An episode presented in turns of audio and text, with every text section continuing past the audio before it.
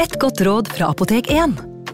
Nå er snart pollensesongen i gang, og et godt råd til deg som sliter med pollenallergi, er å begynne behandlingen i god tid før allergisesongen starter. Da får du nemlig enda bedre effekt av legemidlene, og så blir ikke våren din helt ødelagt. Kom innom og få råd på ditt nærmeste Apotek 1, eller chat med oss på apotek1.no.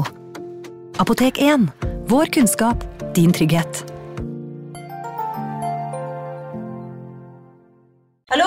Jeg kommer fra Oslo politikammer. Ine Jansen er purk. Er du purk? The motherfucking bitch. Alt jeg vil, er å finne ut hva som skjedde med mannen min. Jon Carew. Er jeg sikta for noe? Iben Akeli. Det er du.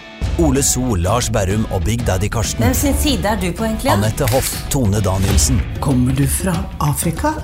Jørnis Josef, Nesten kløfta. Trond Espen Seim, Det er synd å si det, men det var feil mann som døde. Purk. Premiere tirsdag på TV2 Play. Ungsamtalen fra DNB er økonomisk veiledning tilpasset deg som er ung. Bokk en ungsamtale på dnb.no. slash ung. Det er kjempebra hvis du skal inn på boligmarkedet, hvis det er drømmen din, liksom. Det er det du skulle sagt. Og så kunne du ropt litt mer, da, sånn som jeg gjorde. Bam! Advarsel. Historiene vi forteller i denne podkasten kan være fiktive og avvike fra den opprinnelige historien av dramaturgiske årsaker. Meninger og påstander i historiene reflekterer nødvendigvis ikke programledernes meninger eller virkeligheten.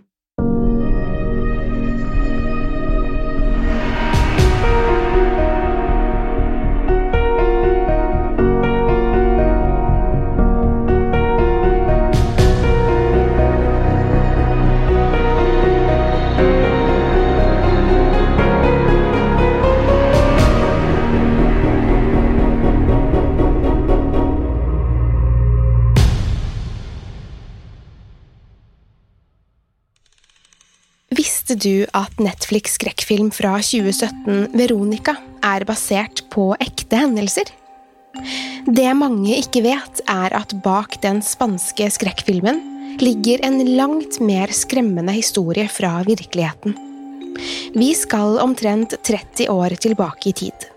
Tragedie, frykt og hjelpeløshet preget Gutieres Lazaro-familien over flere år, og vil nok aldri slippe tak i dem. Denne fortellingen har blitt en moderne myte, og har til og med nådd det store lerretet med en film som har gjort suksess i hjemlandet Spania så vel som på Netflix. Det har vært mange versjoner av det underlige fenomenet som plaget familien, og også viste seg for politiet. Sent en novembernatt i 1992 mottar nødtelefonsentralen i Madrid en oppringning fra en familie. Sjefsetterforsker José Pedro Negri tar med seg en patrulje ut til adressen deres. Da de kommer fram, står en spansk familie utenfor leiligheten sin, holder rundt hverandre, gjennomvåte i det strie regnet. De er livredde. Betjentene går bort til foreldrene og barna. De nekter å gå inn igjen i bygningen. Det er bedre å stå ute i kulden og fryse. Noen eller noe har plaget dem over lang tid, og nå har det gått så langt at det er uutholdelig. Et par av betjentene blir stående ute med dem for å få dem til å utdype ytterligere hva som har skjedd, mens etterforsker Negri tar med seg et par betjenter opp til leiligheten for å ta en titt. Det de trer inn i, er ikke en vanlig familieleilighet. Den er full av ødelagte ting og ser ut som det siste stedet en barnefamilie burde holde til i. Spesielt i det ene jenterommet, hvor mange av plakatene har blitt revet i og klort i stykker. Rapporten betjentene skrev etter inspeksjonen, har blitt et kultobjekt blant okkultister og fans av denne type ting. Det står skrevet blant annet en serie fenomener, alle uforklarlige, og en situasjon med mystikk og av sjeldenhet. Den beskriver en skapdør som slår seg selv opp med en voldsom kraft. Og det rett etter at den har blitt lukket av en av betjentene. Som om den prøver å treffe dem i ansiktet, men uten å lykkes i det. Et krusifiks har blitt revet av trestykket og festet de på veggen og kastet ut på gulvet. Kloremerker fra klør har laget store riper i den samme veggen. De nevner også at de hørte noen høye bankelyder uten at de klarte å finne ut hvor de kom fra. De klarte rett og slett ikke å finne kilden til bråket. En mystisk stor flekk av noe som ligner gammelt, brunt blod, sprer seg på møbler og tepper mens det beveger seg rundt. Politibetjentene inspiserer også badet, som ifølge familien var det siste stedet i huset de burde gå inn. Da de går inn, faller temperaturen kraftig. De kjenner på hele kroppen hvordan hårene reiser seg, og en forferdelig følelse av at noe veldig galt kryper oppover ryggen deres. Aldri før har de opplevd noe lignende. I en jobbhverdag hvor de var vant til å se alle mulige forferdelige ting, kunne ikke dette sammenlignes med noe de hadde vært borti før. Nå var det som om alt motet de hadde, forduftet ut av dem, og ingenting var igjen. Politibetjentene blir kvalme og svimle, og de haster seg ut av leiligheten så fort de kan, opprørte over hva de har opplevd, og det faktum at det ikke er noen ting de kan gjøre for familien. Etter dette fikk Spania sin første rapport hvor en politimann bevitner paranormal aktivitet. Saken, som ble gitt navnet Vallecas-saken etter nabolaget leiligheten lå i, har i ettertid blitt en av de mest berømte sakene med paranormale fenomener i Spania. Den ble dokumentert og stemplet av det nasjonale politiet. I ettertid har familien vært åpne om saken og delt den med medier, og historien har blitt til en vandrehistorie som aldri slutter å fascinere og skremme. Hvis vi går helt tilbake til begynnelsen, starter denne historien med den 15 år gamle tenåringsjenta Estefania Gutierrez Lazaro. Født og oppvokst i Madrid som den tredje av seks søsken, tre jenter og tre gutter. Sammen bor de i nabolaget Valecas. Hun er en ganske vanlig tenåring, opptatt av gutter, sladder og venninner. Hun var også interessert i det overnaturlige, men ikke noe mer enn hva ungdommer flest er. På en ganske alminnelig dag får hun tak i et Ouija-brett, og hun tar det med på skolen for å prøve det ut med sine to skolevenninner. Foreldrene har i ettertid sagt at Estefania hadde et mål om å prøve å nå venninnens ekskjæreste, som hadde mistet livet i en motorsykkelulykke en tid tilbake. For jentene er det mer som et spill de vil teste, uten store forventninger om at det vil fungere, men spenningen ligger i lufta. De gjør det hele i skjul på et av toalettene på skolen. Det er flere nysgjerrige medstudenter til stede for å observere jentene mens de tester brettet. De tre tenåringene kommer i gang med glass vendt opp ned og en hvilende finger på toppen av det. De lukker øynene og begynner å stille spørsmål ut i rommet. Men seansen blir avbrutt av en av skolens nonner som tilfeldigvis oppdager jentene, og brettet blir revet i to. Flere av vitnene har fortalt at det så vidt hadde begynt å komme en merkelig hvit røyk fra glasset de brukte, og deretter ut fra det ødelagte brettet. De forteller at Estefania inhalerte den, og at hun deretter besvimte. Etter denne seansen begynner Estefania å forandre seg. Oppførselen blir dårligere og dårligere. 15-åringen blir ekstremt sensitiv, frustrert og irritert på alle rundt seg. Forholdet til familien forverres. Estefania sliter med å få sove. Hun lider av insomnia, noe som gjør hverdagen ekstra tung. Det kan gå flere netter hvor hun ikke får roen over seg. Så begynner hallusinasjonene. De plager henne. Hun beskriver flere ansiktsløse skikkelser ikledd kapper som ber henne om å bli med dem.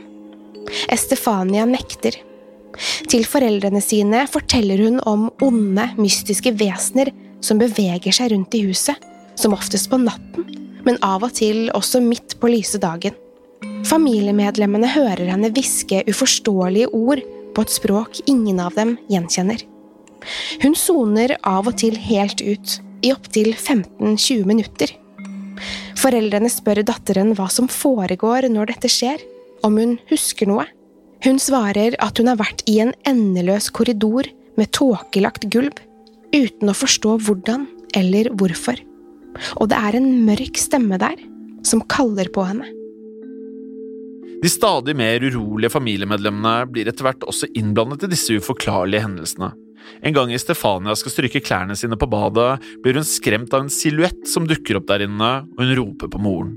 Strykejernet skal også ha skrudd seg på helt av seg selv, og moren kommer løpende til, men hun ser ingen silhuett. Brått stenges baderomsdøra bak dem, og de kommer seg ikke ut. Faren prøver stadig mer panisk å hjelpe dem ut fra den andre siden, men det er forgjeves. Døren lar seg ikke åpne, og det er som om det er en kraft som holder den igjen. Da broren Maximo skal til for å ta fart for å sparke inn døren, blir de alle vitne til at døren åpner seg stille og rolig av seg selv. Det har gått flere måneder nå, og hallusinasjonene går over i noe som ligner epileptiske anfall. Foreldrene er alvorlig bekymret. Estefania fungerer ikke i hverdagen lenger. Hun har falt helt ut på det sosiale, og har ikke kontakt med noen andre enn foreldrene og søsknene. Raserianfall kommer daglig, og hun er vanskelig å ha med å gjøre. Hvordan skal de klare å hjelpe datteren sin? De tar henne med til ulike leger og spesialister for å finne ut hva som er galt med henne. De prøver alle å finne årsaken til plagene, men legene klarer ikke å forstå hva som feiler henne. Selv om det er åpenbart at hun ikke har det bra, blir hun erklært mentalt frisk fordi fagfolkene ikke klarer å finne ut hva dette er. En av spesialistene gir henne likevel medisin mot epilepsi, men den har ingen effekt. Moren har selv hatt epileptiske anfall tidligere, men kjenner ikke igjen noen av plagene til datteren. Og det blir bare verre.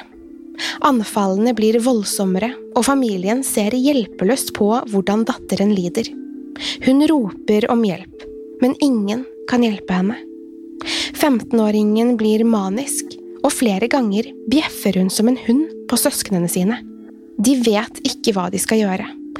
Søsteren Marianela, som sover på samme rom som Estefania, våkner en natt og ser henne sveve over sin egen seng.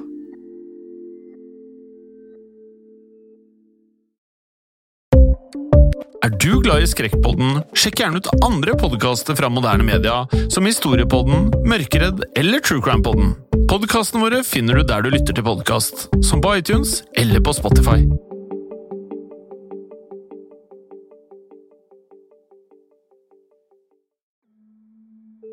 Tidlig kvelden den 13. juli 1991 blir Estefania rammet av sitt mest voldsomme og intense anfall til nå. Det er som om noe tar over kroppen hennes. Hun angriper søsteren Marianela, svært voldelig, nærmest fråtsende, og søsteren kastes til gulvet. Marianella kommer seg på beina igjen og ser søsteren komme mot henne med stor fart. Det kommer skum ut av munnen hennes, og Marianella klarer å dukke unna angrepet, og søsteren braser i bakken og mister bevisstheten. Estefania kommer til seg selv, og resten av kvelden spiser hun middag uten et ord og legger seg tidlig. Det kan virke som om noe har roet seg, men om natten får hun enda et verre anfall. Denne gangen bevisstløs i sengen, og nok en gang med skum ut av munnen. Hun blir funnet av moren og brakt til Gregore Maragnon-sykehuset straks. Her ligger hun i koma i flere timer før kroppen hennes må gi tapt for de uforklarlige kreftene. Estefania dør i sykehussengen av lungekvelning forårsaket av krampetrekninger. Legene kan ikke forklare hva som har skjedd, og beskriver i rapporten at døden var brå og mistenkelig, og dødsårsaken er svært uvanlig for en person på hennes alder. Det er slutten på over seks måneder med lidelser, anfall og våkne netter, i alle fall for Estefania. Familien tar tapet av datteren svært tungt, og håper nå at disse uforklarlige hendelsene i hjemmet er over for godt. Men slik går det ikke. Fra det øyeblikket jenta dør, eskalerer den paranormale aktiviteten i Gutierrez-familiens hjem, og de får verken tid eller fred til å sørge over å ha mistet en av sine nærmeste, før uhyggelige ting begynner å skje rundt dem. Elektriske apparater skrur seg av og på uten forvarsel. Estefanias seng flytter på seg og blir rotet til hver natt. I begynnelsen er det forholdsvis uskyldige hendelser, men gradvis skjer det flere og flere voldsomme ting. Dører og skap åpnes og smeller igjen, og gjenstander blir plukket opp og kastet gjennom rommet uten forklaring. Familien hører en ekkel og raspende latter fra en eldre mann, og det er akkurat som om den kryper langs veggene, rundt hjørner og klatrer i taket, før den plutselig forsvinner. Moren mistenker at dette kan være hennes egen far, som døde fem måneder før Estefania. Han hadde vært senil og dement. Det var ingen hemmelighet at forholdet mellom moren og bestefaren hadde vært svært dårlig, og kun fem dager før sin død skal han visstnok ha sverget å gjøre familiens liv så vanskelig som mulig fra den andre siden. Det kunne virke som om han holdt dette løftet. Glass og skjøre pynteting knuser der de står og etterlater sylskarpe feller rundt omkring i hjemmet. Nå kan også resten av familien Gutierrez se hvordan disse ansiktsløse, mørke og truende skikkelsene stamper seg stadig mer høylytt gjennom leiligheten og smeller med dørene rundt seg. Det går ikke en dag uten at de gir seg til kjenne. Estefanias rop om hjelp slutter heller aldri å komme fra hennes gamle rom. Hver natt vekkes moren av denne lyden. Familiemedlemmene blir også hvisket til av noe de ikke kan se og heller ikke kan forstå. Et språk de ikke kjenner igjen fra annet enn Estefanias merkelige hviskende ord de siste månedene hun levde. En natt, mens moren ligger og sover, kan hun kjenne at noen tar på hendene og føttene hennes. Hun blir så redd at hun ikke tør å røre seg. Hun tør knapt å puste. Det varer lenge, kanskje en time, men det føles som en evig lang natt. En annen kveld er det døtrene som får gjennomgå. De våkner livredde av at hendene deres nærmest kastes inn i veggen gjentatte ganger.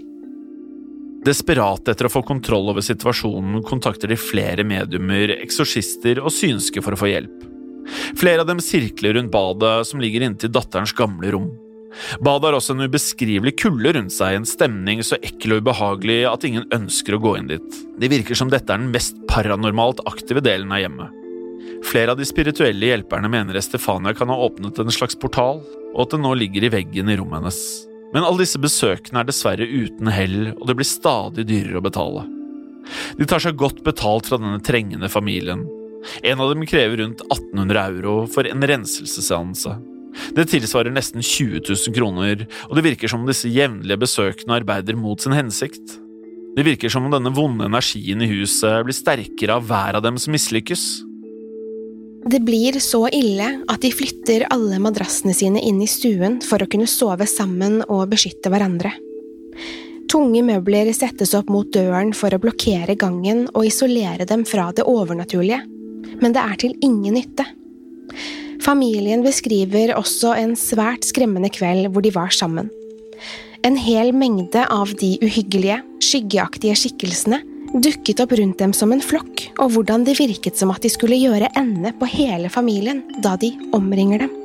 Heldigvis varte det ikke lenge, og de forsvant inn i natten.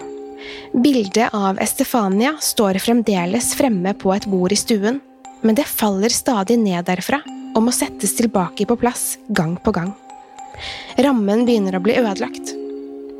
1. november 1993, to år etter Estefanias død, begynner plutselig bildet å brenne av seg selv, helt ut av det blå. Heldigvis klarer faren å få slukket det før det går for langt. Da ser han at mye av bildet er nærmest intakt. Rammen har kun lettere brannskader, og ingen gjenstander i nærheten tok noe skade av hendelsen. Det som skremmer han, er at det kun er ansiktet til hans døde datter som er brent bort. Etter denne hendelsen bestemmer foreldrene seg for å kontakte myndighetene.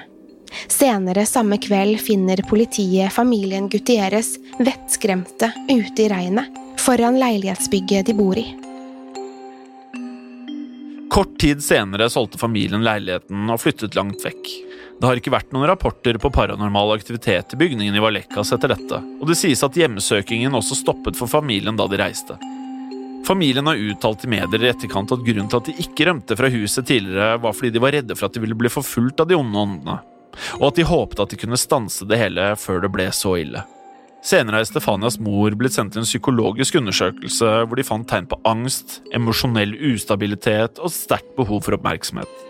Sistnevnte kan også forklare hvordan hun ble svært opptatt av og velvillig til å få frem denne historien i media, Uansett er en rekke hendelser uavhengig av hennes historier blitt beskrevet av politiet i deres rapport og kan dermed ses på som faktiske hendelser. I ettertid har historien blitt svært kjent, spesielt i Spania, men også på diverse forumer på nett om paranormale saker. Netflix produserte sin egen film om nettopp denne historien, og den kom ut i 2017. Filmen fikk navnet Veronica og er først og fremst basert på politirapporten som ble skrevet tilbake i 1991. Mange skrekkfans mener filmen er en av de skumleste filmene som ligger på Netflix i dag. Noen er uenige og mener den er en klisjé. Handlingen i filmen er ikke nødvendigvis veldig lik det Stefania opplevde i virkeligheten. Det er gjort en god del endringer, men når man kjenner til historien før man ser filmen, vil man helt klart gjenkjenne elementer fra den horrible sannheten.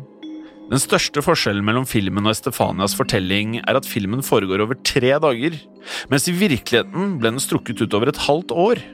I filmen ankommer politiet med det samme etter en nødtelefon. I den virkelige historien ble ikke politiet involvert før et helt år etter jentas død. Filmen åpner med en dramatisk samtale mellom en jente og nødtelefonsentralen, og vi følger en oppdiktet sjefsetterforsker til åstedet, gjennom leiligheten og inn på rommet til hovedpersonen, hvor vi ser ham oppdage noe som må være helt forferdelig, før vi som publikum blir kastet til en helt vanlig og fredfull morgen tre dager tidligere. Herfra tas vi gjennom scener gjenkjennelige fra saken. Filmen har også mer vekt på å beskrive relasjonene mellom familiemedlemmene og venninnene enn den vandrende spøkelseshistorien. Den er fylt av mange, både fine og vonde scener mellom dem, som vi kanskje glemmer når vi skal fortelle historien videre til folk rundt oss. Den handler ofte mest om den tragiske og skremmende delen av Valeka-saken. Ifølge Paco Plaza, regissøren av Veronica, ønsket han å lage nettopp denne filmen fordi historien har blitt fortalt lang gang på gang og har gjort et stort inntrykk. Han er åpen på at han har gjort endringer i filmfortellingen, men han mener at historien er en så kjent spansk myte at alle som forteller den, har sin egen versjon. Regissøren har selv uttalt i Spania er den veldig populær. Det er fordi, som vi sier i filmen, det er den eneste gangen en politibetjent har uttalt at han har vært vitne til noe paranormalt. Men jeg tror at når vi forteller noe, så blir det en fortelling uansett om det er nyheter. Du trenger bare å lese samme nyhet i forskjellige aviser for å se hvor forskjellig virkeligheten er. Den er alltid avhengig av hvem som forteller den. Så Plaza har ikke strebet etter å skape en perfekt gjenfortelling av Estefanias opplevelser, og heller ikke bruke hennes person som hovedkarakter. Han ønsket å uttrykke sin egen artistiske visjon av den spanske spøkelseshistorien, og har uttalt at han hele veien har følt seg fri til å gjøre det på sin måte. Filmen har mottatt noe kritikk for å være nok en klisjé av en skrekkfilm, men er også æret for å kombinere et av Spanias mest kjente moderne mysterier med filmskaping av høy kvalitet.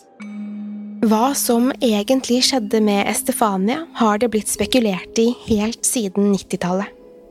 Familien hennes og det lokale politiet er definitivt overbeviste om at hun hadde klart å fremkalle noe overnaturlig fra Ouija-brettet den dagen med skolevenninnene, og at det alene er årsaken til hennes død. De har aldri uttalt at de mener det spesifikt var en demon, men de mener at det var noe ondskapsfullt. Mange spekulerer også i om det at nonnen ødela Ouija-brettet den gangen jentene ble avbrutt midt i seansen, kan ha skapt en paranormal forstyrrelse. Men det var uansett for sent. Nonnen kunne neppe stanset besettelsen som antageligvis skjedde rett etterpå. Noen tror at den hvite røyken som dukket opp, kan ha vært en demon, og at Estefania ufrivillig tok til seg denne da hun pustet den inn.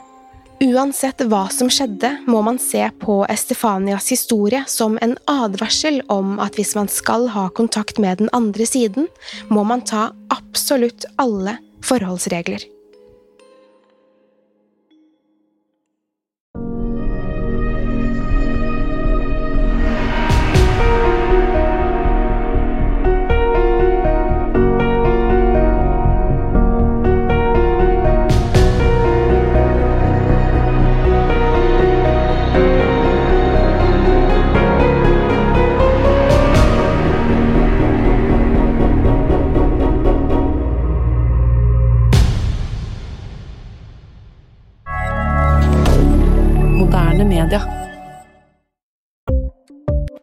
Ukens annonsør er Folio, en smartere banktjeneste for deg som har en egen bedrift eller ønsker å starte for deg selv.